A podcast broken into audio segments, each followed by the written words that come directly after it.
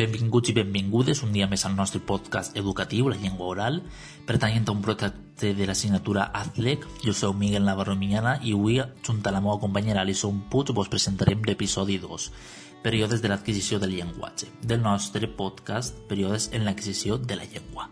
Donat que es tracta dels períodes de l'adquisició de llenguatge, anem a diferenciar tant l'etapa prelingüística com l'etapa eh, lingüística. Donat que són dues, eh, jo vos presentaré l'etapa prelingüística i la meva companyera vos explicarà l'etapa lingüística. En primer lloc trobarem l'etapa prelingüística, la qual es situa en el primer any i mig de vida.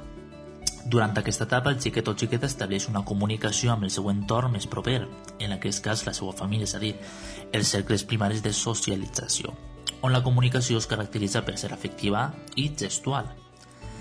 Pel que fa al desenvolupament fonològic, en aquesta etapa destaca els balbotets, és a dir, la fase del desenvolupament del llenguatge que té lloc dels 5 als 10-11 mesos de vida i que consisteix en la pronunciació espontània i repetida dels fonemes i sons amb una finalitat tant lúdica com madurativa. A més, també discrimina els sorolls de la seva llengua d'altres sorolls. En quant al desenvolupament lèxic i semàntic, existeixen quatre fases – la fase de les protoparaules a l'any de vida, la fase prelèxica dels 12 a 18 mesos de vida, la fase d'explosió lèxica dels 18 als 24 mesos i, per últim, la fase semàntica dels 24 als 30 mesos. No obstant això, en aquesta etapa ens anem a centrar solament amb les dues primeres fases. Per una banda, la fase de les protoparaules caracteritzada per l'intent del nen en formular una paraula, és a dir, com indica l'arrel amb què comença la paraula protoparaules, és a dir, proto, són les primeres paraules que els infants van a reproduir, és a dir, són intents lingüístics, mentre que la fase prelèxica, tal com el nom ja indica, es tracta de les primeres paraules que formula l'infant, on existeix una comprensió del llenguatge descontextualitzat. En quant al desenvolupament de la morfologia i la sintaxi, proposta per um, Thomas i Brooks, està composta per quatre etapes. En la fase prelingüística trobem la primera etapa d'aquest desenvolupament, l'etapa d'un mot que abarca els xiquets de 12 a 18 mesos, on es caracteritza per frases d'una sola paraula, és a dir, que els xiquets fan ús d'un únic símbol lingüístic, mare, pare, de forma repetitiva. Sobretot són paraules on l'input lingüístic és familiar i contextualitzat per al petit neòfit lingüístic. A continuació, eh, cedisc el torn de paraula a la meva companyera Alison Puig de manera que vos explique l'etapa lingüística. En segon lloc, trobem l'etapa lingüística, on l'infant integra el conjunt, la idea, a la forma, la paraula, per un objecte determinat o una persona determinada. En el desenvolupament fonològic, el nen d'aquesta etapa adquireix el repertori fonètic del català primerament amb les vocals als dos anys d'edat. I els tres ja comencen a adquirir fonemes nasals, oclusius i fricatius. Més tard comencen a pronunciar fonemes líquids vibrants i laterals com la L o la R.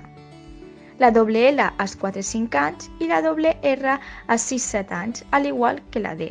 En quant al desenvolupament lèxic i semàntic, com ja hem mencionat abans, existeixen quatre fases, però en aquesta etapa sols ens anem a centrar amb les dues últimes. En primer lloc, la fase explosió lèxica que abarca des 18 als 24 mesos, on ja s'han assolit entre 50 a 100 paraules i, per tant, l'infant pot combinar paraules i crear frases més complexes i elaborades. En segon lloc, la fase semàntica, que abarca des 24 als 30 mesos, destacada per la comprensió de paraules i frases. Per finalitzar, ens trobem el desenvolupament de la morfologia i la sintaxi. Fem menció en aquesta etapa les tres últimes etapes d'aquest desenvolupament. L'etapa de combinació de mots apareix als 18 mesos i finalitza sobre el mes 24. Els xiquets ja utilitzen més d'una paraula per frase, els quals estan relacionats en una línia entonativa única. L'etapa de productivitat parcial apareix fins als 36 mesos, caracteritzada per l'ús de marcadors morfològics i sintàctics, sense generalitzar-se, i amb l'utilització de la tercera persona. Per últim, ens trobem l'etapa de competència adulta als 3 anys d'edat, on els infants ja comencen a expressar les intencions comunicatives amb els recursos propis de la competència adulta. Aquesta etapa es pot considerar completa a 6 anys de vida. I fins així l'episodi d'avui. Esperem que vos hagi resultat interessant i que hagueu pogut ampliar els vostres coneixements sobre la llengua oral. Gràcies per compartir amb nosaltres aquest espai i vos esperem la pròxima setmana. I recordeu, no amagueu la llengua, useu-la.